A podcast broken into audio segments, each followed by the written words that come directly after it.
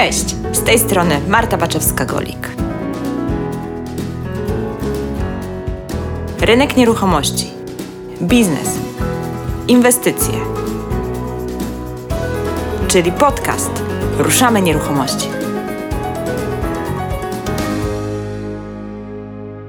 Czytałem, że wielka firma konsultingowa Cooper przed Brexitem prognozowała, że Brexit spowoduje utratę 100 tysięcy miejsc pracy w londyńskich firmach finansowych. Tak naprawdę ubyło ich zaledwie 7 tysięcy. I to jest globalna firma zatrudniająca sztabę ekspertów do tego, by przewidzieli, co będzie się działo. I bierze za to grube miliony. Dlatego prawda jest taka, że każde prognozy są i będą obarczone dużym błędem.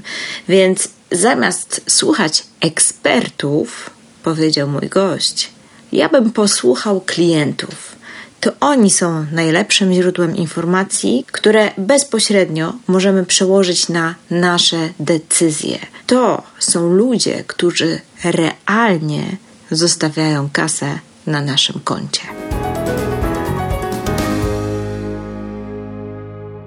Cześć, witam Cię w kolejnym odcinku podcastu Ruszamy Nieruchomości z cyklu Ruszamy Biznes postanowiłam regularnie nagrywać odcinki biznesowe, ponieważ to właśnie przedsiębiorczość napędza naszą gospodarkę i co za tym idzie, nasz dobrobyt. Ten odcinek jest odpowiedzią na dość głęboką refleksję, jaką miałam po powrocie z przepięknej i egzotycznej Kostaryki. Refleksja dotyczyła małej i średniej przedsiębiorczości. Ja wróciłam z kraju, jakim była kiedyś Polska. Polska pełna niedużych, rodzinnych biznesów, małych gospodarstw, lokalnych sklepików, lokalnych firm i firemek. Patrzyłam na to z takim lekkim rozrzewnieniem i pomyślałam sobie, że moment, w którym zniszczymy w nas ducha przedsiębiorczości, będzie momentem, w którym to korporacje będą decydować za nas, co mamy jeść, czego używać i na jakich zasadach. A ja kocham tworzyć własne zasady w życiu i w biznesie. Pracować w zgodzie ze sobą, ze swoimi wartościami i do tego Ciebie również chcę zachęcić, abyśmy jednak nie oddawali tego w ręce korporacji, tylko wywierali własny wpływ na jakość naszego życia. Dlatego dzisiaj w tym odcinku porozmawiamy o wielkości małych firm, o ich przewadze i konkurencyjności w stosunku do tych wielkich kolosów. No i oczywiście o tej trudnej gospodarczo sytuacji, tych trudnych czasach, o nowych projektach i pomysłach na biznes oraz o tym, jak je właśnie dostosować do tych obecnych realiów. Do tej rozmowy zaprosiłam Marka Jankowskiego, którego osobiście uważam za specjalistę w tworzeniu prostego i dochodowego biznesu. Autora najstarszego polskiego biznesowego podcastu Mała Wielka Firma, którego ja słuchając wiele lat temu sama osobiście uczyłam się strategii marketingowych i wdrażałam je do swojej firmy. I powiem Wam szczerze, że Marek był pierwszą osobą, która przyszła mi na myśl, kiedy zastanawiałam się, z kim tu, by porozmawiać o tym, dlaczego warto wciąż otwierać nowe biznesy, kreować nowe przedsięwzięcia, kolejne usługi czy kolejne produkty. Tym odcinkiem chcę dodać otuchy każdemu przedsiębiorcy, który być może trochę się zatrzymał lub wstrzymał ze swoimi nowymi pomysłami inwestycyjnymi. Tak, Prawda jest taka, że trzeba być może je skorygować. Tak, być może trzeba je dostosować do obecnej sytuacji, ale błagam, nie rezygnujcie. Nie rezygnujcie z ich wdrażania, bo właśnie teraz, właśnie teraz jest najlepszy moment do tego, by się przygotować na wzrost, który przychodzi po każdym, ale to po każdym kryzysie, bo taka jest ekonomia. Cokolwiek planowałeś, dostosuj się do nowej sytuacji i działaj dalej.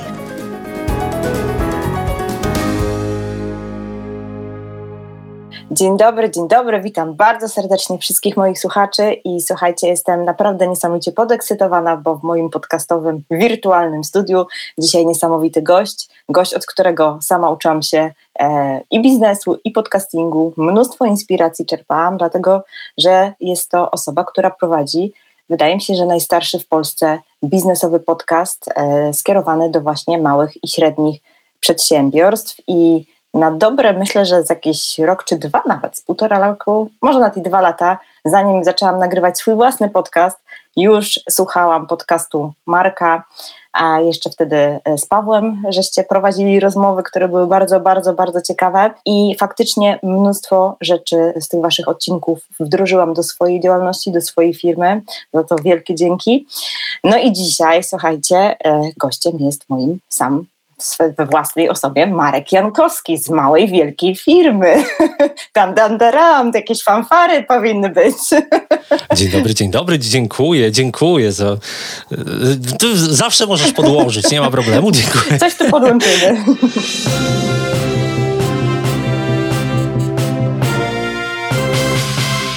Dzięki, dzięki. Marku, wielkie dzięki. Przede wszystkim Ci dziękuję za to, że właśnie, tak jak mówisz, nie tylko słuchałaś, ale też wykorzystywałaś tę wiedzę, bo to jest najlepsze, co może być dla podcastera, kiedy się dowiaduje właśnie, że ktoś nie tylko posłuchał, ale coś zrobił później z tym u siebie. Tak, dużo rozmawialiście o marketingu, ale również pamiętam, mieliście takie ze dwa odcinki na temat obsługi klienta i naprawdę sporo rzeczy stamtąd sobie wzięłam do mojej agencji nieruchomości, bo wtedy byłam taką czynną agentką nieruchomości i się inspirowałam, szukałam nowych, wiesz, pomysłów na to, jak, z czym się mogę na tym rynku wyróżniać jako agentka nieruchomości. Także Marek, wielkie dzięki.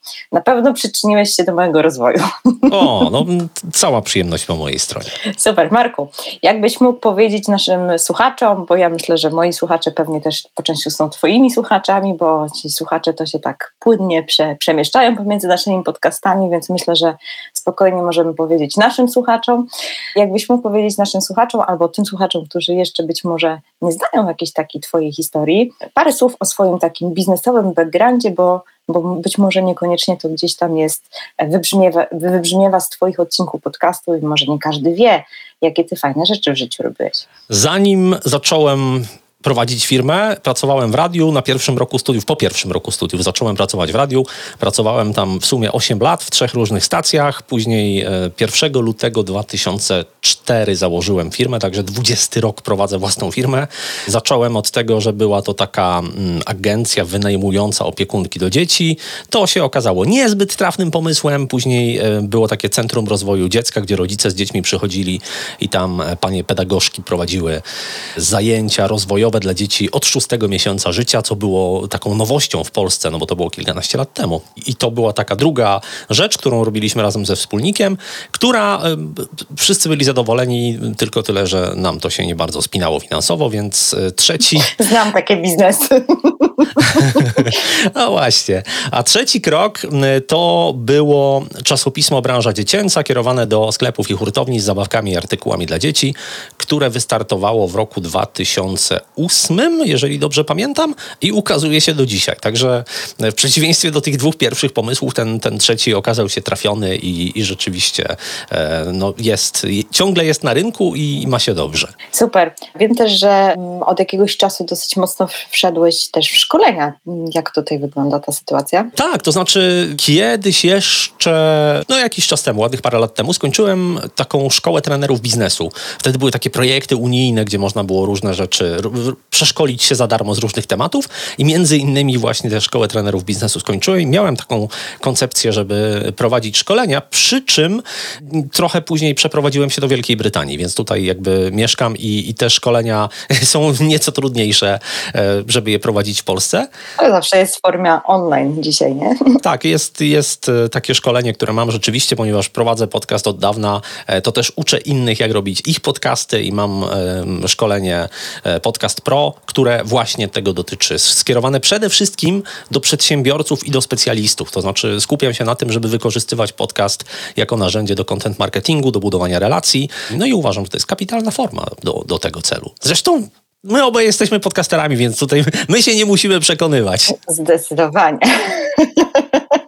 nie, my się nie musimy przekonywać, ale faktycznie, faktycznie jest to forma, bardzo ciekawa forma docierania do klientów, ale jeszcze sobie o tym dzisiaj odpowiemy. Natomiast dzisiaj chciałabym, żebyśmy się skupili na trochę na temacie, który jest bardzo podobny do nazwy Twojego podcastu. Nazwa podcastu Twojego brzmi Mała Wielka Firma, a ja dzisiaj sobie chcę nagrać taki odcinek pod tytułem Mały Wielki Biznes, dlatego że w tych małych biznesach faktycznie tkwi wielkość i chciałabym o tej wielkości małych biznesów dzisiaj porozmawiać. Ale zanim jeszcze Cię o to zacznę wypytywać, chcę się Ciebie zapytać na start, takie dać pytanie e, rozgrzewkowe.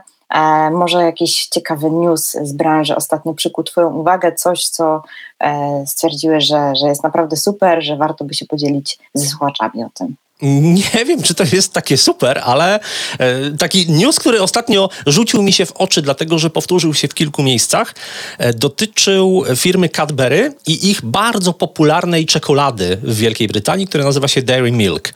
I jest spora burza w mediach w związku z tym, że Cadbury e, odchudziło tę czekoladę. Nie w sensie, że tam jest mniej kalorii, tylko że ona z 200 gramów teraz jakby odchudziła się i waży 180, a kosztuje tyle samo samo.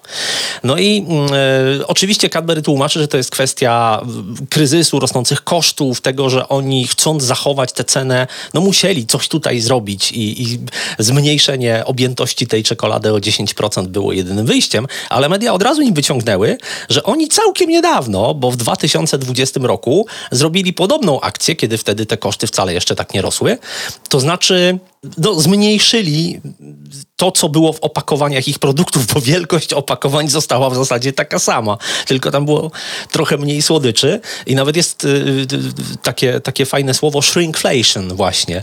Tak jakby inflacja polegająca na tym, że skurczamy te produkty, a one kosztują tyle samo, więc y, tutaj wypomniano. Ciekawe, to. czy to jest jedna z metod na, na kryzys. Myślę, że sobie w ogóle porozmawiamy chwilkę też o tym kryzysie, jak się odnaleźć. To może jeszcze z tego newsa wrócimy, czy właśnie jest to jedna z metod e, właśnie takie odchudzanie produktów albo odchudzanie cen, właśnie, w którą stronę powinniśmy iść.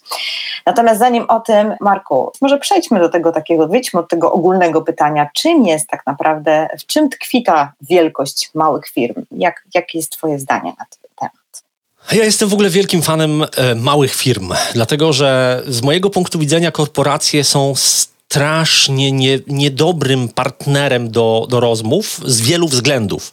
Oczywiście mają swoje plusy, takie, że no, są takie rzeczy, których mała firma nie udźwignie, bo nie ma potencjału, nie ma logistyki, nie ma tam różnych rzeczy. Ale Mała firma to jest przede wszystkim kontakt człowieka z człowiekiem. I tak jak my się dzisiaj umawialiśmy na nagranie, ja się umawiam z tobą. Gdybyś była przedstawicielką wielkiego korpo, to prawdopodobnie musielibyśmy wymienić wcześniej, wiesz, 17 maili, do których podpięte byłyby trzy osoby. Prawdopodobnie trzeba by było podpisać jakieś dokumenty dotyczące tam, nie wiem, udostępniania wizerunku e, jakichś tym podobnych rzeczy. I to jest wszystko, ja, ja tego nienawidzę. Ja mam ja mam alergię na biurokrację, więc dla mnie ta bezpośredniość w kontakcie jest super, mega ważna i cenna. Poza tym to jest też kwestia odpowiedzialności, bo w korporacji jest tak, że każdy ma gdzieś tam to swoje pole. No, sama wiesz, jak, jak y, próbujesz zgłosić jakiś problem na infolinie i to nie jest banalny, trywialny problem, no to ten konsultant ci nic nie pomoże, tylko gdzieś jesteś tam, y, być może ktoś się z tobą skontaktuje, być może gdzieś tam przełączymy i tak dalej i tak błądzisz między tymi ludźmi i ciężko jest znaleźć kogoś, kto ci naprawdę pomoże, a jeżeli coś jest jakiś błąd, to ciężko znaleźć odpowiedzialnego. W małej firmie to jest dużo e, prostsze i łatwiejsze. E, małe firmy są zdecydowanie bardziej elastyczne, zwinne. Tam e, każda zmiana może nastąpić właściwie z dnia na dzień, jeżeli tylko chcemy się na nią zdecydować. I też małe firmy mają coś takiego, co dla mnie jest bardzo, bardzo cenne, czyli tworzymy coś z niczego. Mała firma bardzo często zaczyna bez kapitału, zaczyna bez inwestorów, ma, nie mamy nic. Startuje człowiek, który ma pomysł. I ten człowiek z tym pomysłem idzie do klientów, oni zaczynają to kupować. To jest najpierw, wiesz, jakieś tam maleńkie ziarenko i ono potrafi się rozrosnąć do wielkiego drzewa. Także to są niesamowite rzeczy. Nie, przypomniała mi się niedawno taka e, prezentacja Piotra Budzkiego z firmy JLabs, która to firma wyrosła od tego, że było dwóch wspólników, i oni sobie wymyślili, że zrobią sobie software house do firmy, która zatrudnia kilkuset inżynierów i ma e, przychody za ubiegły rok gdzieś koło 90 milionów złotych. Od zera Więc to, to i, i tam kapitał początkowy to było może 10 tysięcy złotych. No tyle, żeby założyć spółkę. Więc to, to jest niesamowite, jak małe firmy potrafią właśnie działać i, i, i ten proces kreacji. To jest taka czysta kreacja, ale odwołam się jeszcze do tych, do tych korporacyjnych rzeczy, bo mi się tak przypomniało, ostatnio e, prowadziłam e, webinar i jakiś artykuł pisałam e, do, do dużego serwisu ogłoszeniowego oto dom i dokładnie tak to wyglądało, jak mówisz, dokumenty, umowy, 30 maili. E, naprawdę z całym szacunkiem, bo to było bardzo fajne spotkanie i tak dalej, generalnie wszystko super wyszło, ale faktycznie ta procedura i ten proces dokładnie wygląda tak, jak mówisz, także uśmiecham się i potwierdzam podpisuję się obiema rękami, że tak to właśnie niestety wygląda w takich dużych firmach. Zdecydowanie się z Tobą zgadzam. Mnie najbardziej w moich firmach i w ogóle w przedsiębiorcach kręci ten, ten proces kreacji, tego właśnie, że, że w ogóle to, to jest naprawdę trochę, przepraszam, może kogoś teraz urażę, co powiem, ale trochę jesteśmy takimi bogami, bo my w ogóle tworzymy. Jak Bóg twarz, e, świat tworzył, tak my tworzymy coś w tych naszych przedsiębiorstwach, jakieś nowe produkty, usługi, jakąś nową jakość i tak dalej, i tak dalej. I to jest naprawdę e, niesamowite. Natomiast byłam ostatnio na urlopie i sobie e, mam takie przemyślenie, bo byłam w kraju, który w moim odczuciu jest wolnym krajem, ale jeżeli chodzi o gospodarkę, to taki, taką miałam nostalgię i taki powrót do, takich, do takiego przełomu z lat 90., początek 2000 lat, kiedy już Polska była wolnym krajem, a z drugiej strony była krajem jeszcze takiej właśnie małej przedsiębiorczości. Jeszcze nie weszliśmy do Unii, to jeszcze było przed Unią i było mnóstwo takich właśnie domowych biznesów. I to, co mi się rzuciło w ogóle w oczy tam na tej Kostaryce, bo to była Kostaryka, to właśnie to, że ludzie ze sobą robią interesy. Że jest to po prostu niesamowite. Jak to łączy w ogóle ludzi i, i społeczności, to jest coś niesamowitego. Naprawdę za tym zatęskniłam i stąd też między innymi temat tego podcastu. I mam taką też refleksję w kontekście całej tej e, pandemii, tego wszystkiego, co się działo przez ostatnie dwa lata, kiedy właśnie te wielkie tankowce, te wielkie korporacje, no z braku tej swojej zwinności zaczęły e, mieć problemy. Popatrzmy, popatrzmy teraz na te galerie, które po prostu były masowo pozamykane, a jednak te małe sklepiki gdzieś tam sobie funkcjonowały. A, I zastanawiam się, czy, nie wiem, czy czy też takie masz e, refleksje i, i, i podobno myśl, myślisz, że e, gdzieś tam świat się znowu zwróci w kierunku tego sektora małych i średnich przedsiębiorstw, gdzieś, gdzieś będzie jakaś taka refleksja, że jednak wielkie nie zawsze jest fajne?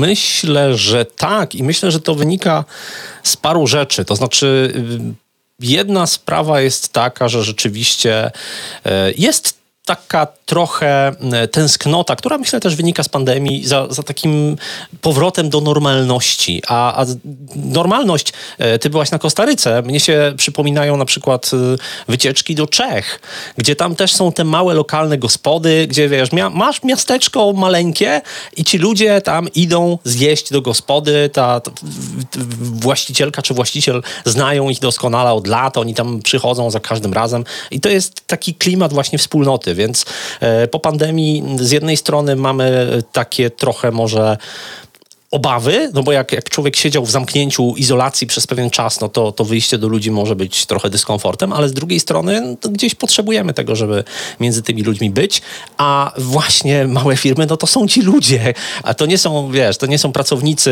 e, żołnierze korporacyjni z służbowym uśmiechem i profesjonalizmem, tylko to są normalni ludzie, e, więc to, to jest jedna sprawa, ale jest jeszcze coś takiego, jak y, zmiany klimatyczne. Jak, to, jak powiedziałaś tankowiec i w ogóle, że wielkie firmy to są takie wielkie okręty, to od razu pomyślałem sobie, no tak, no, jeżeli mówimy o wpływie na środowisko, no to bardzo często to, to nie jest wpływ małych firemek, tylko to jest wpływ korporacji, dlatego że one muszą wykazać się przed y, udziałowcami zyskiem i ten zysk jest osiągany często za wszelką cenę, nie licząc się za bardzo z kosztami na przykład dla środowiska i też ludzie to zauważają. I to, że to zauważają, przejawia się w czymś takim, co mm, zaobserwowano w Stanach e, w 2021 roku i co ma już nawet swoją nazwę The Great Resignation. Dlatego, że w Stanach w 2021 roku prawie 50 milionów ludzi odeszło z pracy, co jest w ogóle niesamowite. E, I Oczywiście to nie jest tak, że oni wszyscy są bezrobotni, no bo, bo, to byłby problem.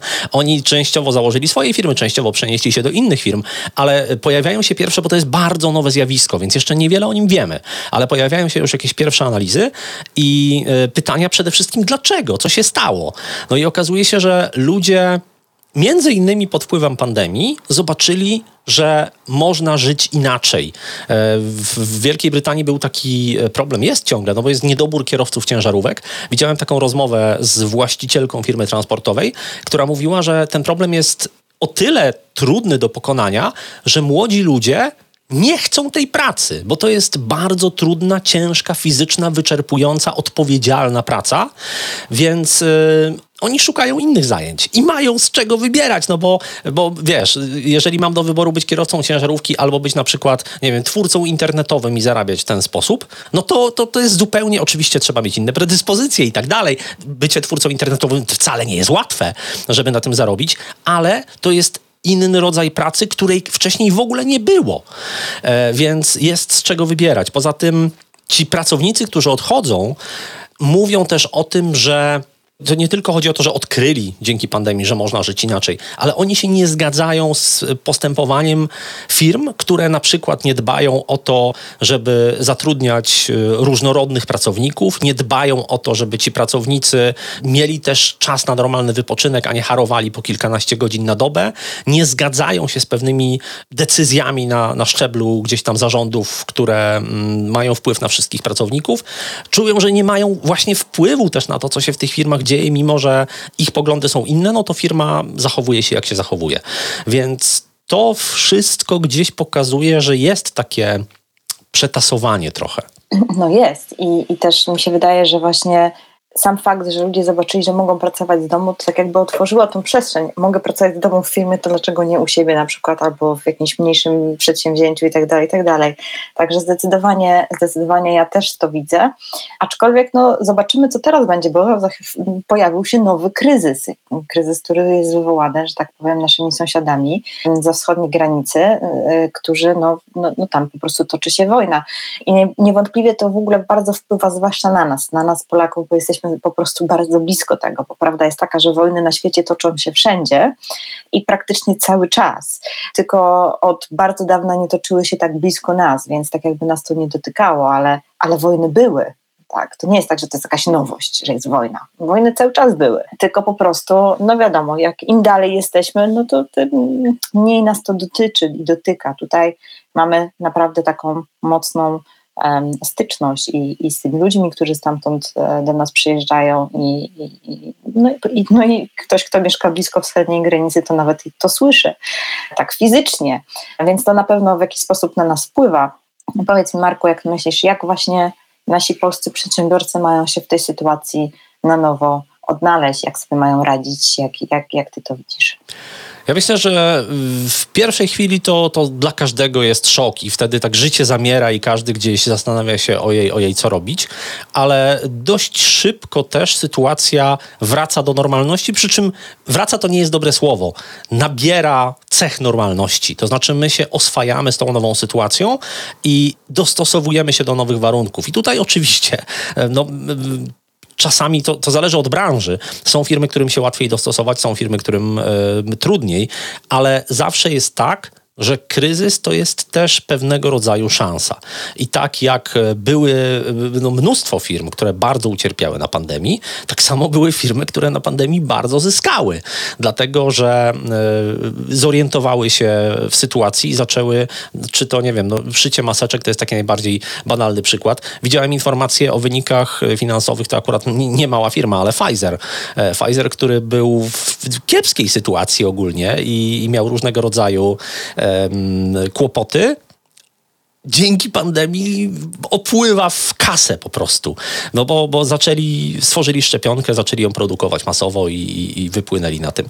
Ale też e, no, rozmawiałem z przedsiębiorcami, którzy też przeszli przez ten kryzys suchą nogą e, i, i nawet e, jakby nie, nie narzekają. No, Monika Kamińska, która produkowała wcześniej bardzo elegancką odzież, też mówiła mi o tym, jak się zorientowała, że kurczę, No nie, znaczy ta kolekcja, która już była przygotowana i która miała iść do produkcji, ona raczej się nie sprawdzi w sytuacji, kiedy ludzie będą siedzieć w domach. Trzeba się przestawić na jakieś ubrania bardziej wygodne, bardziej takie um, do domu też oczywiście dobrej jakości i tak dalej, ale jednak w innym stylu.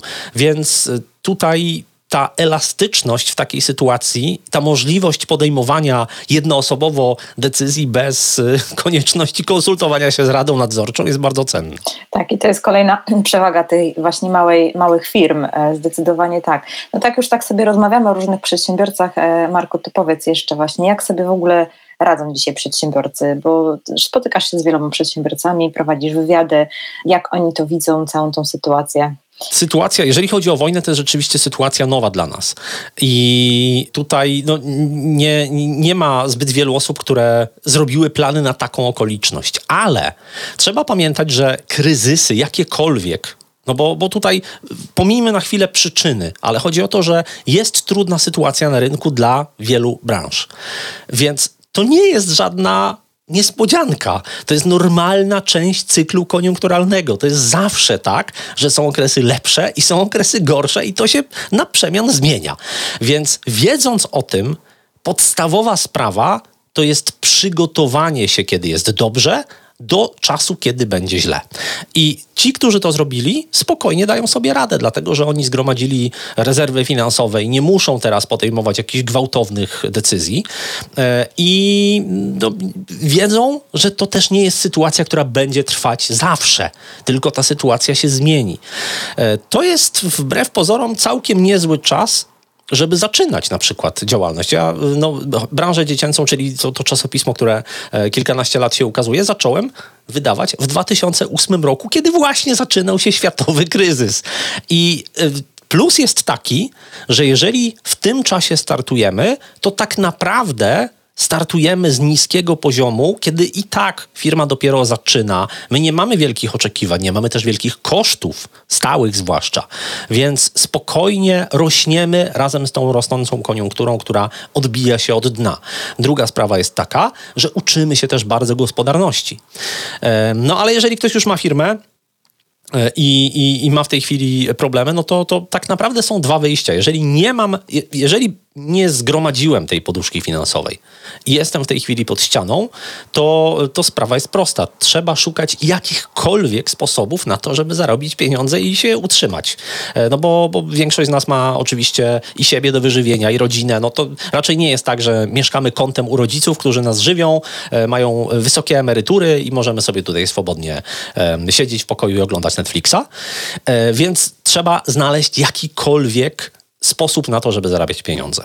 A jeżeli mamy poduszkę, jeżeli mamy pieniądze, no to wtedy możemy działać spokojniej i zastanawiać się, planować przyszłość, patrząc na to, jak ona się zmienia, podglądając też, co się dzieje w innych branżach i zastanawiając się, jak zmieni się rynek za kilka miesięcy czy, czy nawet kilka lat, żeby dopasować się do tej sytuacji, która będzie. Ja też zauważyłam, że w tej sytuacji e, no, jest taki trochę wyhamowanie. I wyhamowanie zarówno u przedsiębiorców z działaniami, bo taki tak nie wiadomo co robić, nie wiadomo w ogóle czy wypada, też trochę jest e, taki, taki znak zapytania, gdzieś tam się pojawia, czy, czy, czy wypada mi sprzedawać, jak tutaj zamiedzą, że tak powiem, no dzieje się co się dzieje. E, a z drugiej strony też jest wyhamowanie wśród konsumentów, klientów, którzy po prostu najzwyczajniej świecie wstrzymują się z decyzjami zakupowymi. E, i nie wiem jak jest teraz, ale tuż przed wyjazdem, e, no bo akurat też ten mój wyjazd no, planowałam wcześniej, ale no, no, wyszło jak wyszło po prostu, że w trakcie, zaraz chwilę po tym jak, jak ta wojna wybuchła, no to się okazało, że mają problem z wybraniem dolarów, które mam na koncie w, w banku i tak dalej. No trzeba było zamawiać, czekać, w ogóle tam limity są, nie możesz wziąć większej tam kwoty niż. Nie wiem, czy nadal to jest, bo już wróciłam i teraz nie mam takiej potrzeby, żeby wybierać, więc sobie tam po prostu leżą. Natomiast e, no, no czuć było, nie? Taki, taki, taki, taki jakiś niepokój. Um, no i teraz właśnie kolejnym pytaniem, jakie chciałam Ci zadać, to jest w kontekście tych osób, które gdzieś tam planowały otworzyć swoje biznesy. Oni naturalnie pojawia się strach. Naturalnie pojawia się coś takiego, o matko, to może ja się wstrzymam, może nie ma sensu i tak dalej. A co byś takim osobom właśnie poradził, e, żeby, żeby po prostu gdzieś tam dodać im trochę takiej odwagi do tego, żeby zrobić, żeby działać pomimo tych wszystkich różnych wydarzeń. Rozmawiałem niedawno y, z psycholożką, z Dorotą Świetlicką, która mówiła właśnie o tym wpływie wojny na, na nasze życie i jak sobie z tym radzić. I y, no, warto zdać sobie sprawę z tego, że to, co dzieje się w naszych głowach, to jest y, prawdopodobnie dużo gorsze niż to, co dzieje się naprawdę wokół nas. To znaczy, gdybyśmy wyłączyli media, to jest spora szansa, że nie widzielibyśmy tej wojny na co dzień. Oczywiście, jeżeli e, gdzieś, nie wiem, no, jesteśmy na dworcu, gdzie widzimy tych Ukraińców i tak dalej, to, to, to nie jest tak, że, że od tego uciekniemy, ale to nie jest sytuacja, która bezpośrednio nam zagraża. Jesteśmy w sytuacji, w której rzeczywiście przybywają do Polski setki tysięcy, już miliony ludzi, którzy e, potrzebują pomocy, ale nie, nie jest tak, że, że nasze życie w tym momencie jest zagrożone. Te kłopoty, które się pojawiają właśnie gdzieś tam, nie wiem, czy z dostępnością gotówki, czy z jakimiś takimi rzeczami, to też są rzeczy przejściowe i to jest tak naprawdę ochrona pewnych systemów przed paniką. Dlatego, że mm, tutaj no, znowu sytuacja z Wielkiej Brytanii, jakiś czas temu była tu taka e, głośna sprawa, która w ogóle się odbiła echem. Ludzie z Polski mnie też o to pytali, że w Wielkiej Brytanii brakuje paliwa. I o co chodzi? No więc sytuacja była taka, że ponieważ w związku z COVID-em, w związku z tym, że kierowcy byli chorzy i tak dalej, było mniej kierowców ciężarówek z tymi uprawnieniami do przewozu paliwa, to stacje paliw niektóre musiały priorytetyzować i dostarczać paliwo najpierw na te większe stacje, a na te mniejsze rzadziej albo wcale. No i e, były dwie stacje paliw, które zdecydowały się te mniejsze stacje gdzieś tam część z nich zamknąć na pewien czas, no bo, bo nie było sensu ich obsługiwać po prostu logistycznie było to nieracjonalne. I pojawiła się panika, że nie ma paliwa, ludzie zaczęli się ustawiać, wykupywać to paliwo masowo. No i oczywiście żadna stacja nie jest przygotowana na taki ruch, bo codziennie on się nie zdarza. Więc rzeczywiście paliwa na stacjach zaczęło brakować, ale nie dlatego, że go brakowało fizycznie w kraju, tylko dlatego, że na konkretnych stacjach ustawiały się kolejki, ludzie opróżniali zbiorniki i zanim dowieziono nową dostawę, no trzeba było zaczekać. I to jest trochę tak e, z, z tą całą sytuacją wojenną. To znaczy, my jesteśmy z każdej strony, bo tu nie tylko to są media, ale to są też social media, jesteśmy bombardowani, to, to nie jest dobre słowo w kontekście wojny, ale jesteśmy narażeni e, na obrazy, na opisy trudnych sytuacji. W sumie to są takie bomby, Marku, tak sobie myślę, takie mentalne bomby. No tak, ale, ale to jakby, no umówmy się, no jakby nie, nie, nie porównujmy się tu absolutnie, więc, więc yy, niestety my nie za bardzo potrafimy y, odfiltrować sobie te, te wiadomości. To nie jest tak, że to po nas spływa. Nawet jeżeli nam się wydaje, że spływa, to gdzieś tam nam zostaje z tyłu głowy i stajemy się bardziej ostrożni. Jeżeli stajemy się bardziej ostrożni i na przykład z tego powodu mniej pieniędzy wydajemy, no to firmy, które do tej pory miały pieniądze z tego, że tam kupowaliśmy, mają tych pieniędzy mniej i one też zaczynają oszczędzać. I robi się e, takie e, błędne koło, gdzie ten strach powoduje faktyczny, realny kryzys, bo, bo nie ma tych pieniędzy w gospodarce. Więc y, oczywiście, jeżeli ktoś nie ma żadnych rezerw finansowych, no to, to ja absolutnie e, namawiam do tego, żeby najpierw sobie trochę odłożyć, żeby mieć na najczarniejszą godzinę, a potem wydawać. Ale jeżeli ktoś ma te rezerwy, to nie ma powodu, żeby nagle jakoś drastycznie ciął wydatki i zaciskał pasa, bo to może tylko zaszkodzić nam wszystkim jako gospodarce. Zdecydowanie tak. Ja tak sobie myślę, że to też wynika z tej, z tej naszej psychologii, że nasz mózg tak naprawdę nie odróżnia tego, co my sobie myślimy, od tego, co jest naprawdę w realu, w rzeczywistości. I jesteśmy w stanie sobie tworzyć takie wyobrażenia i w nie po prostu tak mocno uwierzyć. Nawet jeżeli to będą odrealnione, no na tym też polegają różnego rodzaju choroby psychiczne, które gdzieś tam po prostu ludzie tracą ten kontakt z rzeczywistością. Mamy taką moc w tej naszej głowie. To jest dobre i niedobre, to jak ta każdy kij ma dwa końce. I faktycznie powiem szczerze, że ten mój wyjazd bardzo mi to zobrazował, no bo ja pojechałam, no dobra, na drugi koniec świata, na, drugi, na inny kontynent, ale tam w ogóle nie ma żadnej wojny, chociaż oczywiście ludzie wiedzą o tym, że wojna wybuchła, no bo wiadomości do nich docierają, ale no po prostu no tam życie toczy się normalnie. No to wiesz, to jest dokładnie tak samo, jakbyś mieszkając w Polsce usłyszała o tym, że y, tam, nie wiem, wojna w Kostaryce. Zmienia to twoje życie? No nie zmienia. No nie. To tak samo jak, e, wiesz, no, żyliśmy w Polsce, a była tutaj wojna w Afganistanie czy gdzieś tam i też nas to nie dotykało. Więc trochę, ja wiem, że ta wojna jest tu bliżej, ale trochę jednak i, i trudno przed nią uciec, bo tak jak mówisz, przyjeżdżają do nas ludzie i tak dalej, ale, ale życie jednak toczy się dalej. I jak ja to mówię, e, fiskus dalej będzie pukać po swoje, ZUS również, więc e, trzeba działać. Więc teraz, e, już schodząc z tego trudnego tematu wojennego, przejdźmy właśnie do działania. Co robić dzisiaj? I teraz to jest takie pytanie trochę w kontekście jeszcze tych nowych firm, które, mm, które ewentualnie biznesów, które mogłyby powstać. E, takie, taka, pytam Ciebie o taką, nie wiem, jakąś Twoją wizję i prognozę w tym momencie. Jak myślisz, e, co dzisiaj się będzie po prostu opłacać, w którym kierunku iść, gdzie, gdzie po prostu zwrócić swoje oczy i swoją twarz? Oczywiście w kontekście biznesowym.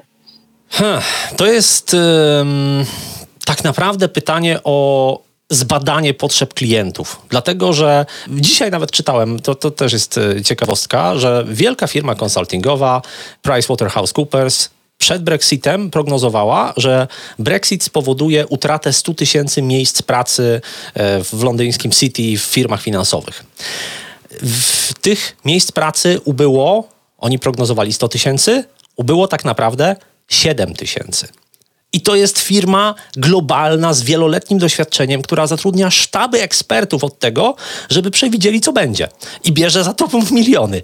Więc um, jakby ja, ja zdaję sobie sprawę z tego, że moje prognozy mogą być obarczone sporym błędem. Dlatego ja bym zamiast słuchać doradców, nawet jeżeli to są renomowane firmy i eksperci, ja bym po prostu posłuchał klientów, bo to jest najlepsze źródło informacji i o ile eksperci tworzą jakieś prognozy długoterminowe, które właśnie, jak się okazuje, dość często rozjeżdżają się z rzeczywistością bardzo mocno, to klienci są takim źródłem informacji, które bezpośrednio możemy przełożyć na nasze decyzje, bo to są ludzie, którzy realnie zostawiają pieniądze e, w, naszej kasie czy na naszym koncie. Więc ja bym się na tym skupił i, i, myślę, że to badanie potrzeb klientów w takich czasach jest szczególnie ważne. I jestem przekonana, że na pewno masz jakiś fajny odcinek podcastu na ten temat. Jak badać potrzeby klientów? jest coś takiego w mojej wielkiej firmie? Masz coś takiego? Ja y, nagrałem ostatnio taką rozmowę, to akurat nie, nie w małej wielkiej firmie, ale w podcaście Business Ninja y, Lidii Krawczyk y, nagraliśmy właśnie rozmowę dokładnie o tym, gdzie ona mnie przepytywała i ja tam podawałem bardzo dużo takich konkretnych wskazówek, więc y, jak najbardziej możemy podlinkować i polecić odcinek Lidii, bo, bo tam, tam jest masa wiedzy na ten temat. Super. To jest naprawdę kluczowe, żeby nauczyć się rozmawiać z naszymi klientami, ale właśnie dzięki temu, że jesteśmy małymi firmami, możemy do nich bezpośrednio wejść, to możemy z nimi wejść naprawdę w taką bardzo nawet bliską wręcz e, relację. I to jest naprawdę, e, naprawdę super. Natomiast jedna, jedna ze słuchaczek zadała pytanie gdzieś tam, e, jak, jak puściłam, widzi, że będziesz, będziesz w moim podcaście. Pozwolę sobie je teraz przeczytać, bo mam tutaj. Chodzi generalnie o strategię rozwoju i tutaj słusznie e, zauważyła, że wiele osób trochę działa po omacku i ogląda jakieś różnego rodzaju filmy na YouTubie, różnego rodzaju, inspiruje się różnymi rzeczami, wybierają dla siebie pomysły e, na, mm, od właściwie obcych osób. No i po czasie okazuje się, że biznes w ogóle się nie posunął do przodu, e, że te działania były takie chaotyczne, tak wiesz, e, często coś weźmiemy od jednego, coś weźmiemy od drugiego i to po prostu się nie składa nie, do niczego. No i teraz pytanie jest słuchaczki, co zrobić, żeby iść konkretną ścieżką, konsekwentnie brnąć do przodu i zwiększyć przychody? Ha, to jest bardzo dobre pytanie. Pierwsza sprawa, jeżeli słuchamy różnych ludzi, to warto zdać sobie sprawę z tego, że nie ma jednej recepty na sukces w biznesie. I dwie osoby z tym samym wykształceniem, e, nie wiem, z tego samego miasta, e, w tym samym wieku, wezmą ten sam pomysł na biznes i jedna zrobi z niego sprawnie działający biznes, a druga upadnie bardzo szybko. Więc warto patrzeć na różne źródła, ale warto zdać sobie sprawę z tego, że nie ma jednej słusznej drogi i te źródła mogą wskazywać zupełnie różne kierunki, I każdy z nich będzie dobry, pod warunkiem, że będziesz konsekwentnie iść tą ścieżką, a nie przeskakiwać ciągle między jedną a drugą. Także to jest pierwsza sprawa. Bardzo ważne jest też to, żeby dopasować e, tę naszą strategię do nas, bo to jest, myślę, taka rzecz, o której czasem się zapomina. Jest, jest taki, takie narzędzie, które się nazywa Business Model Canvas. Bardzo przydatne są książki na ten temat, można sobie wygooglać i ono pokazuje tworzenie tej, tej naszej strategii, tego naszego pomysłu biznesowego w taki sposób, żebyśmy tam uwzględnili nie tylko e, konkurentów, nie tylko klientów, nie tylko dostawców i, i to, na czym będziemy zarabiać i, i za, jakie będziemy ponosić koszty, ale żebyśmy też uwzględnili siebie w tym wszystkim, bo e, to jest e, niesamowicie ważne, bo nie każdemu taki sam model działania będzie odpowiadał, więc to, to jest bardzo ważne. Jest jeszcze taka rzecz, którą zauważyłem nieraz niedawno, znaczy ostatnio zauważyłem w większym natężeniu niż wcześniej, to znaczy perfekcjonizm. On jest tak częsty, że to jest aż zdumiewające. To znaczy, na czym on się, w, czym, w czym on się przejawia? W tym, że szukamy takiej idealnej recepty, żeby zrobić biznes, który na pewno się uda. Nie ma takiej recepty. Po prostu dlatego, że wszystko zależy od realizacji. I, a realizacja zależy od nas. Więc y, jakiejkolwiek recepty byśmy nie wzięli, to możemy ją zrealizować w sposób dobry albo w sposób niedobry. Jeżeli chodzi o perfekcjonizm, to słyszałem takie bardzo fajne porównanie, że perfekcjonizm jest jak taka tarcza, która ma nas chronić. On, on ma, ma, ma sens. To znaczy, my nie chcemy, żeby ktoś nam zarzucił, że my działamy poniżej jakichś standardów, my sami nie chcemy y, też działać, no bo, bo to gdzieś chroni nasze ego. Ale ta tarcza waży 5 ton. I jeżeli się jej trzymasz, to ty się nie ruszysz do przodu. Będziesz się chronić za tą tarczą i tyle. I jakby okej, okay, nikt ci może nie zarzuci, że robisz coś źle, ale też nie, nie będziesz mieć postępów. Więc z mojego punktu widzenia y, nie ma co się tutaj za bardzo nastawiać na to, że ktoś nam zdradzi ten jeden sekretny sposób na to, jak stworzyć udaną firmę, tylko po prostu trzeba metodą prób i błędów i musimy się liczyć z tym, że te błędy będą. Trzeba iść do przodu i próbować coś sprzedać. Bo to jest też taka przypadłość czasami że skupiamy się na tym, żeby zrobić piękny profil na Instagramie, albo żeby tutaj, nie wiem, dopieścić jakieś jedno zdanie na stronie internetowej. A tak naprawdę to są detale. Liczy się to, żeby ktoś coś od nas kupił. To jest podstawa. I dużo szybciej osiągniemy ten cel, idąc do tej osoby i rozmawiając z nią, niż zastanawiając się przez trzy dni, czy w tym zdaniu, które mamy na stronie internetowej, to powinno być słowo oferta, czy może propozycja. Bardzo ładnie to określiłeś i powiem Ci, że ja też prowadzę mm, osoby, które no, planują tworzyć swoje agencje nieruchomości i widzę, jak ten perfekcjonizm im przeszkadza bardzo, we wszystkim. Bo to jest najpierw na etapie wyboru, e, tak jak mówisz, strategii i tej szukania tej idealnej recepcji, potem jest na etapie realizacji wszystkiego tak naprawdę, każdego posta, każdego po prostu działania, jaki chcemy tam, z którym chcemy wyjść do ludzi, ta potrzeba bycia takim idealnym, nie wiem, czy to dzisiejszy czas to spowodował, czy, czy, czy my po prostu mm, czy to jest taki strach przed oceną może tak naprawdę, no bo jeżeli wyjdziemy z czymś nieidealnym, to może ktoś nas, nie wiem, coś zrobi, wyśmieje, nie wiem, być może to jest tutaj problem. W każdym razie faktycznie ten perfekcjonizm jest ogromną przeszkodą, ogromną. Bardzo nas blokuje w działaniach, też to widzę, naprawdę. No, czy jest coś takiego, jest taka teoria tam lęków pierwotnych i, i między innymi jest coś takiego jak lęk przed uśmierceniem ego. Czyli, że no, ktoś, inni uznają, że jesteśmy niefajni. I to zostało strasznie mocno spotęgowane przez media społecznościowe, dlatego że tam mamy takie właśnie wskaźniki próżności. No, mamy te lajki, mamy te reakcje, widzimy te statystyki. Poza tym tam jest taki perfekcyjny świat i tam wszystko tak pięknie wygląda. To perfekcyjny świat to jest jedno, ale druga sprawa jest taka, że czegokolwiek byśmy nie zrobili, to od razu widzimy ocenę innych. Znaczy ocenę, no, no widzimy lajki choćby. Tyle tylko, że te lajki, na przykład liczba lajków, nie ma za wiele wspólnego z treściami, które my tam wrzucamy. Dlatego, że jeżeli wrzucimy coś na Instagramie i mamy tam jakąś grafikę i post, to y, choćbyśmy w tym poście nie wiem jak się zmurzyli, to większość lajków wynika z tego, że po prostu daliśmy ładny obrazek, albo y, są to nasi znajomi, którzy nas lubią. Tych lajków może być więcej albo mniej, w zależności od tego, ilu osobom algorytm pokaże naszą treść, bo przecież my tego nie wiemy. I teraz, jeżeli moją treść zobaczyło 100 osób i 50 zostawiło lajki, e, no to ja widzę tylko 50 lajków. A jeżeli moją treść zobaczyło 1000 osób i lajki zostawiło 40, no to e, to, to jest jakby gorszy wynik, mimo że ten, ten zasięg był dużo większy. I, I jakby w drugą stronę, więc tutaj korzystając z mediów społecznościowych staliśmy się takimi naprawdę łatwo sterowalnymi marionetkami w pewnym sensie, które robią to, co media społecznościowe chcą, żeby zrobili. To, to nie jest dobre.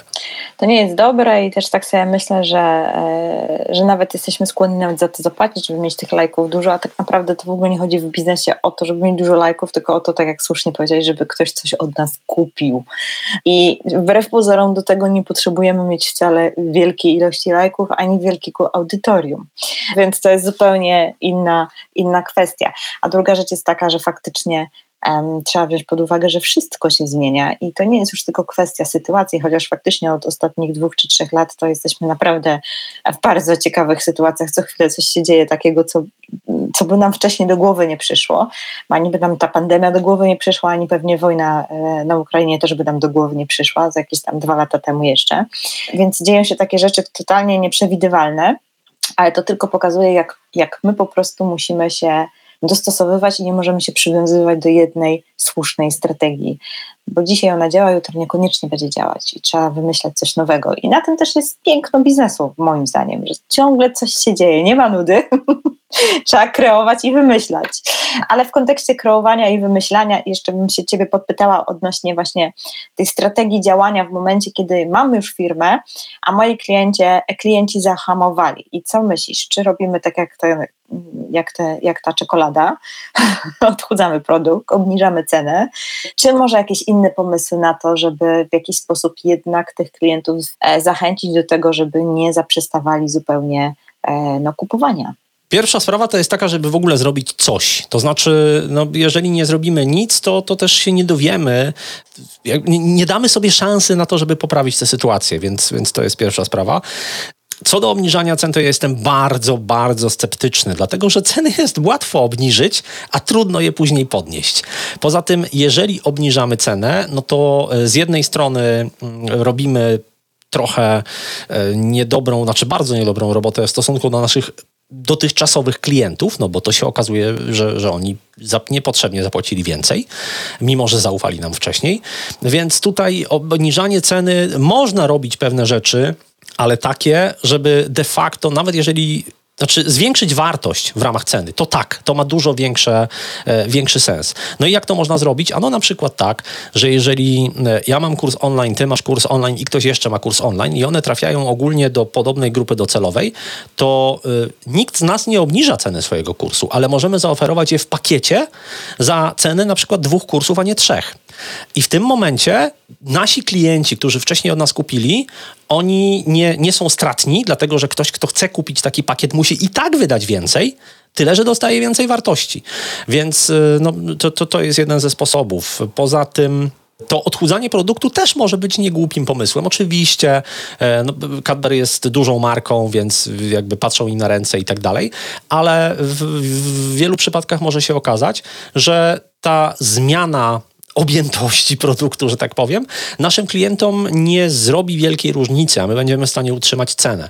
Można też, jeżeli mamy dobre relacje z klientami, e, zagrać trochę na ich emocjach. Mam takie przypadki, że kiedy na przykład jest e, DJ, który robi wesela, Krzysztof Krzemiński i kiedy zaczęła się pandemia, no oczywiście nie można było robić wesel. On miał takie przypadki, że klienci na przykład, którzy byli umówieni na jakieś na późniejsze terminy, pytali, czy, czy on ma z czego żyć, czy może trzeba mu wcześniej przerać zaliczkę, bo oni chcą, żeby on był u nich na weselu. Wiadomo, że ono się teraz nie może odbyć, ale zdają sobie sprawę z tego, że jest w trudnej sytuacji, chcą z nim pracować, chcą mu pomóc w taki sposób.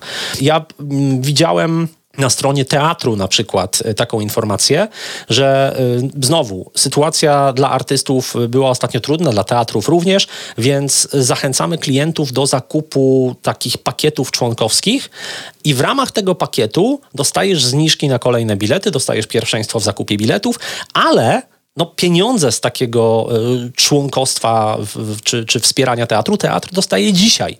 Więc znowu łatwiej mu przetrwać ten czas, kiedy e, klientów jest mniej albo nie ma spektakli. Także mm, tutaj są różne sposoby. Są też takie badania, bardzo fajne badania. Ja je lubię, dlatego że to jest też niesamowite. To są badania, o których mówiliśmy w piątym odcinku Małej Wielkiej Firmy czyli w 2009 roku. I to są pytania, e, badania dotyczące kryzysu. Okazuje się, że no, ponieważ kryzys wraca w, w, jakby w cyklu koniunkturalnym co pewien czas, to był taki kryzys, może już niektórzy nie pamiętają, w latach 2000-2001. I firma McKinsey Company, e, firma konsultingowa, zrobiła duże badania, gdzie przebadali y, finanse firm 9 lat przed tym kryzysem i 9 lat po tym kryzysie. I sprawdzali, jak decyzje podejmowane w czasie kryzysu przełożyły się na kondycję finansową firm. No i okazało się, że firmy, które przed kryzysem miały dobrą pozycję i po kryzysie ją utrzymały, oraz co ciekawe, firmy, które przed, które przed kryzysem nie były wcale liderami w swoich kategoriach, a stały się tymi liderami po kryzysie, czyli urosły na kryzysie, w czasie kryzysu nie oszczędzały na reklamie, nie oszczędzały na sprzedaży i nie oszczędzały na badaniach i rozwoju. Więc to jest pewna wskazówka, co warto robić w trudnym czasie, żeby przejść przez ten czas. I to oczywiście jest trochę przerażające, bo jeżeli dzisiaj klienci nie kupują i ja mam inwestować w nowe produkty na przykład, albo mam inwestować w sprzedaż, to jasne, że efekt tych moich działań dzisiaj będzie słabszy, ale to jest inwestycja, to jest działanie z myślą o przyszłości. Tak, bo to jest, e, to ma w ogóle bardzo, bardzo duży sens, bo tak jak wspominaliśmy już na początku tego naszego odcinka, to mówiłeś o tym, Marku, że, że to że, wiesz, wszystko mija i, i ta sytuacja też przeminie, ta wojna też minie, e, tak jak minął COVID, wiem, że trwał dwa lata, ale jednak już minął, nie wiem jak jest w Wielkiej Brytanii, ale u nas już znieśli praktycznie większość restrykcji, tak więc po prostu to wszystko przeminie, wrócimy do jakiejś normalności, no i teraz wygrają ci, którzy sobie nie odpuszczą, teraz właśnie. Wygrają ci, którzy sobie nie odpuszczą i którzy będą cały czas w kontakcie z swoimi e, klientami, ze swoimi po prostu, z osobami, e, no z klientami po prostu.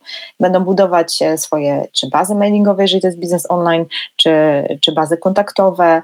I nawet bym powiedziała, że też tak czuję, że teraz to jest taki czas, żeby nawet zagęścić te ruchy, żeby po prostu faktycznie za chwilę, jak już zacznie przychodzić ta odwilż, ludzie troszeczkę odetchną, będą chcieli wrócić do normalności. To tak jak teraz już zaczynają znowu podróżować, bo po prostu już każdy jest tak za tym stęskniony, e, że, że po prostu ma, ma taką potrzebę. Myślę, że będzie podobnie z tą, z tą sytuacją e, e, wojenną, która się toczy no, za naszą miedzą, nie bójmy się tego słowa.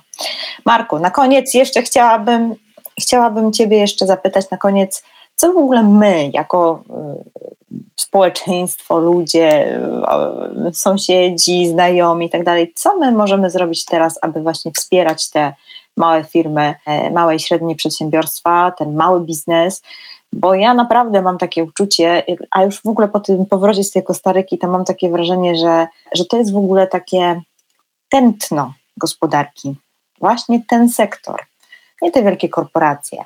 Bo śmiem twierdzić, że jak zostanie, zostaną same korporacje, no to, y, no to to już nie będzie tętno, to już będzie jakaś manipulacja. Oni już będą dyktować, co mamy jeść, co mamy pić, ile, w jakim składzie i tak dalej, i tak dalej. Nie będzie po prostu wyboru.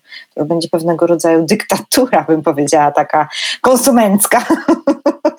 No w pewnym sensie już tak się czasami dzieje, jak patrzymy na, na to, co jest dostępne w sklepach, no to korporacje rządzą. Tak, no, wiesz co, pod tym moim postem, e, który zamieściłam e, właśnie z tymi przemyśleniami, jedna osoba skomentowała, bo, bo, bo ja tam napisałam coś takiego, że że ciągle kupuję, e, zakupy robię w lokalnym takim sklepie osiedlowym. Ja wiem, że tam są produkty z tych różnych korporacyjnych rzeczy, ale jednak to jest konkretny pan, którego znam, codziennie widzę i on po prostu prowadzi ten sklep. Ja mam takie poczucie, że, że zasilam, że tak powiem, po prostu sąsiada z osiedla, A druga strona jest taka, że, że, że tak naprawdę e, wbrew pozorom, pomimo że troszkę te ceny są wyższe u niego, ja wydaję mniej, bo w takim sklepiku nie chodzę, nie ma tego merchandisingu, czy jak to tam się nazywa. nie, nie ładujesz tego koszyka, nie wiadomo jak tam wielkiego. I, i, i, I naprawdę zdałam sobie sprawę, że robienie w takim mniejszym sklepie tak naprawdę, pomimo że ceny są wyższe, oszczędza mi finalnie na koniec miesiąca wydaje mniej pieniędzy na jedzenie. I takie, taką mam, e, taką, takie mam przemyślenie i pod tym postem jedna osoba napisała, że mieszka w Niemczech i mówi, że u niej już niestety nawet nie ma takich małych sklepików osiedlowych, że są tylko sieciówki. I powiem Ci szczerze, że jak to przeczytałam, to mi się strasznie smutno zrobiło, naprawdę, że tak jest. Więc wrócę do tego pytania, trochę się tutaj rozgadałam z dygresjami w kontekście, co my możemy zrobić, jak my możemy wspierać się wzajemnie właśnie w rozwijaniu tej, tej naszej przedsiębiorczości takiej lokalnej, nazwijmy to. No właśnie, bardzo dobrze, że się rozgadałaś, bo to jest y, najlepsze, co możemy zrobić, to po prostu korzystać z usług tych firm. No to, jest, to jest oczywiste, że jeżeli my będziemy zostawiać pieniądze w, w, u naszych sąsiadów, jak powiedziałaś, to znaczy ludzi, którzy mieszkają w tym samym mieście, na tym samym osiedlu i tak dalej, no to w tym, w tym naszym najbliższym otoczeniu będzie się dobrze działo. Te pieniądze nie, nie pójdą gdzieś na jakieś, y, nie wiem, konta bankowe, korporacyjne, nie wiadomo gdzie, tylko zostaną tutaj. Jeszcze gdzieś tam pewnie na jakieś, wiesz, na jakiś Bahama albo gdzieś tam, nie? No na przykład, tak. Więc e, to jest jedna sprawa, ale nawet jeżeli rzeczywiście y, no, jesteśmy w trudnej sytuacji i, i nie możemy w tej chwili, to nawet samo to, że my podejdziemy do tych ludzi, przywitamy się, uśmiechniemy, e, powiemy, że, że e, super, zapytamy, jak im idzie, e, gdzieś zainteresujemy się tym, co oni robią, to to już też myślę jest bardzo ważny sygnał wspierający dla nich. To też jest wniosek taki z rozmowy z psycholożką akurat na temat ukraińskich uchodźców, bo ja ją zapytałem, czy takie działania, na przykład jak umieszczanie sobie na zdjęciu flagi ukraińskiej, czy to ma jakikolwiek sens? No bo to nikomu nie pomaga. To nie jest żadne realne działanie. Zapytałem, bo wiedziałem, że ona sama na zdjęciu profilowym na Facebooku ma tę flagę ukraińską. I ona mówi, wiesz co, no oczywiście, że to, to nie jest tak, że, że to, że ja sobie tam tę flagę umieszczę, komuś realnie pomoże, ale po pierwsze, ci ludzie, kiedy widzą, że tak wiele osób jest po ich stronie, to im to bardzo, bardzo dodaje wiary w siebie, odwagi, poprawia ich samopoczucie i tak dalej. A po drugie, mówię, jak, jak się spotykam z nimi, bo ona mieszka w Lublinie, więc jakby no, ma, ma sytuację, można powiedzieć, bardzo, bardzo za progiem. Mówi, jak ja się z nimi spotykam, to oni też w takich rozmowach na jeden, jeden na jeden niesamowicie to doceniają. Jest to dla nich bardzo, bardzo ważne. I to jest co, taka drobna rzecz, którą możemy zrobić, nawet takie wsparcie moralne, nawet właśnie zapytanie, e, jak idzie, czy czy możemy pomóc w jakiś sposób, nie kupując tych produktów, jeżeli, jeżeli nie możemy na przykład, no bo nie wiem, sąsiad ma salon samochodowy, no okej, okay, no jakby nie, nie, nie, kupię sobie teraz samochodu, e, bo akurat, e, nie wiem, nie, nie wziąłem portfela, ale być może jest coś takiego, być może mogę, nie wiem, polecić gdzieś ten jego biznes albo, albo pomóc mu w jakikolwiek inny sposób. Być może na przykład on ma powierzchnię, którą chętnie by wynajął na jakieś szkolenie, a ja znam kogoś, kto chce przeprowadzić szkolenie i szuka takiej powierzchni konferencyjnej. Więc tutaj trzeba spojrzeć trochę szerzej i, i po prostu porozmawiać z tymi ludźmi, no bo my sobie tu możemy gdybać i wymyślać, ale prawdopodobnie nie wymyślimy tego, co oni nam po prostu powiedzą. Więc y, rozmowa to jest zdecydowanie dobry pomysł w każdej sytuacji. Marku, bardzo Ci dziękuję za tę rozmowę. Myślę, że, że, że jest trochę tutaj wypłynęło sporo wniosków i inspiracji. Zdecydowanie myślę, że mogę powiedzieć w naszym wspólnym imieniu, że zachęcamy do tego, żeby wspierać tych małych i średnich przedsiębiorców i naprawdę nie dopuśćmy do tego, żeby w naszym kraju nie było już małych sklepików. Niech one sobie naprawdę będą. To jest naprawdę super, że są, że funkcjonują, że nie, nie jesteśmy skazani tylko i wyłącznie na to, co nam dyktują wielkie sieci handlowe. Jest to ciągle szerszy zdecydowanie wybór. No ale przede wszystkim jest to po prostu nasz sąsiad, nasze lokalne kontakty, panie, które są tam zatrudnione, też gdzieś tam w okolicy mieszkają i tak dalej, więc niech to się nadal kręci, bo faktycznie te małe i średnie firmy są takim tętnem tej całej naszej gospodarki, no i też takim tętnem tych takich relacji właśnie biznesowych. Myślę, że to jest naprawdę niesamowicie niesamowita wartość tego sektora. Jest jeszcze jedna sprawa, o której nie wspomnieliśmy, a która jest niesamowicie ważna. Są rzeczy, jest mnóstwo takich rzeczy, których duże firmy nie robią, bo im się nie opłaca. Bo one, żeby cokolwiek zrobić, to po pierwsze tam jest długi proces decyzyjny, ale one też potrzebują odpowiedniej skali. W małych firmach jest zupełnie inaczej. I jeżeli na przykład mam e, takiego pana, który przyjeżdża i myje mi okna z zewnątrz, to korporacja raczej się po taki biznes nie schyli. A on Owszem, dlatego że on ma iluś takich klientów i on sobie z tego spokojnie żyje. Więc jeżeli my wspieramy takie małe firmy, to tak naprawdę poza e, tym dobrym sąsiedztwem, relacjami i tak dalej, zapewniamy sobie też po prostu większy wybór, większą różnorodność tego, co jest na rynku. Tak, to tak jak był taki moment, e, gdzie po prostu e, zniknęły takie podstawy, znaczy nadal jest tak, że jest trudno, ale zniknęły takie usługi typu szewc na przykład, nie? No, chciałoby się naprawić buty, nie wiesz gdzie, no teraz gdzieś tam się już pojawiły w tych centrach handlowych takie małe sklepiki, gdzie dorabiają klucze, naprawiają buty i, i generalnie różne takie drobne rzeczy robią, ale był taki moment, że właściwie no, chciał się pójść do szewca i nie ma. nie ma szewca. No tak, ale bo wiesz, bo jak, jak pojawiły się po prostu um, tam buty po, nie wiem, tam 69 zł czy coś takiego, no to, to tego się nie opłaca naprawiać. Tylko, wiesz, no jakby też y, wiele przedmiotów codziennego użytku zostało celowo, czy jest celowo projektowanych w taki sposób, żeby one były jednorazowe, żeby to się, wiesz, użyło przez chwilę, wyrzuciło, kupiło nowe. To nie tylko takie przedmioty, bo, bo również te wszystkie naprawy typu jakiegoś sprzętu Akieda i tak dalej, to jest ta sama historia, nie? Niby są te serwisy, ale tak naprawdę nie ma gdzie naprawić pralki, nie? Ktoś tam ci strzeli, no to po prostu nie wiadomo, co z nią zrobić. No, trzeba kupić nową no i, i, to jest rozwiązanie. Nie? A to ani nie jest dobre rozwiązanie dla środowiska, ani właśnie dla, dla nas bardzo często finansowo, bo to w przypadku butów to jeszcze mówimy o małej kwocie, ale w przypadku pralki no to już jest większa kwota, nie? Która, która mogłaby jednak zostać w portfelu, gdyby jednak jakiś pan przyszedł wymienić tam, nie wiem, uszczelkę czy coś tam, nie? No. Marku, e, dzięki wielkie za tą rozmowę. Bardzo się cieszę, że, że znalazłeś czas i przestrzeń na to, żeby tutaj ze mną o tym porozmawiać. Myślę, że to jest ważny temat, ważny w kontekście w ogóle całej tej sytuacji. Zachęcamy jeszcze raz mocno do tego, żebyście nie, zaniechywa, nie zaniechiwali, coś dzisiaj mi się język nie zaniechali. Nie zaniechali, o właśnie, swoich planów e, na otwieranie biznesów. Jeżeli planowaliście cokolwiek e, otworzyć, to zachęcamy do tego, żeby się nie poddawać i, i zdecydowanie zgadzam się tutaj z Tobą, że kryzys jest bardzo dobrym momentem na to, żeby otwierać właśnie działalności, dlatego że możesz rosnąć razem z nim. Jest często trudniej zareagować w momencie, gdy już masz rozwiniętą firmę i idziesz jakimś tam e, jakąś tam utartą ścieżką i raptownie się okazuje, że ona przestaje działać. No i w momencie, gdy masz koszty stałe i tak dalej, no to jest to faktycznie duży problem.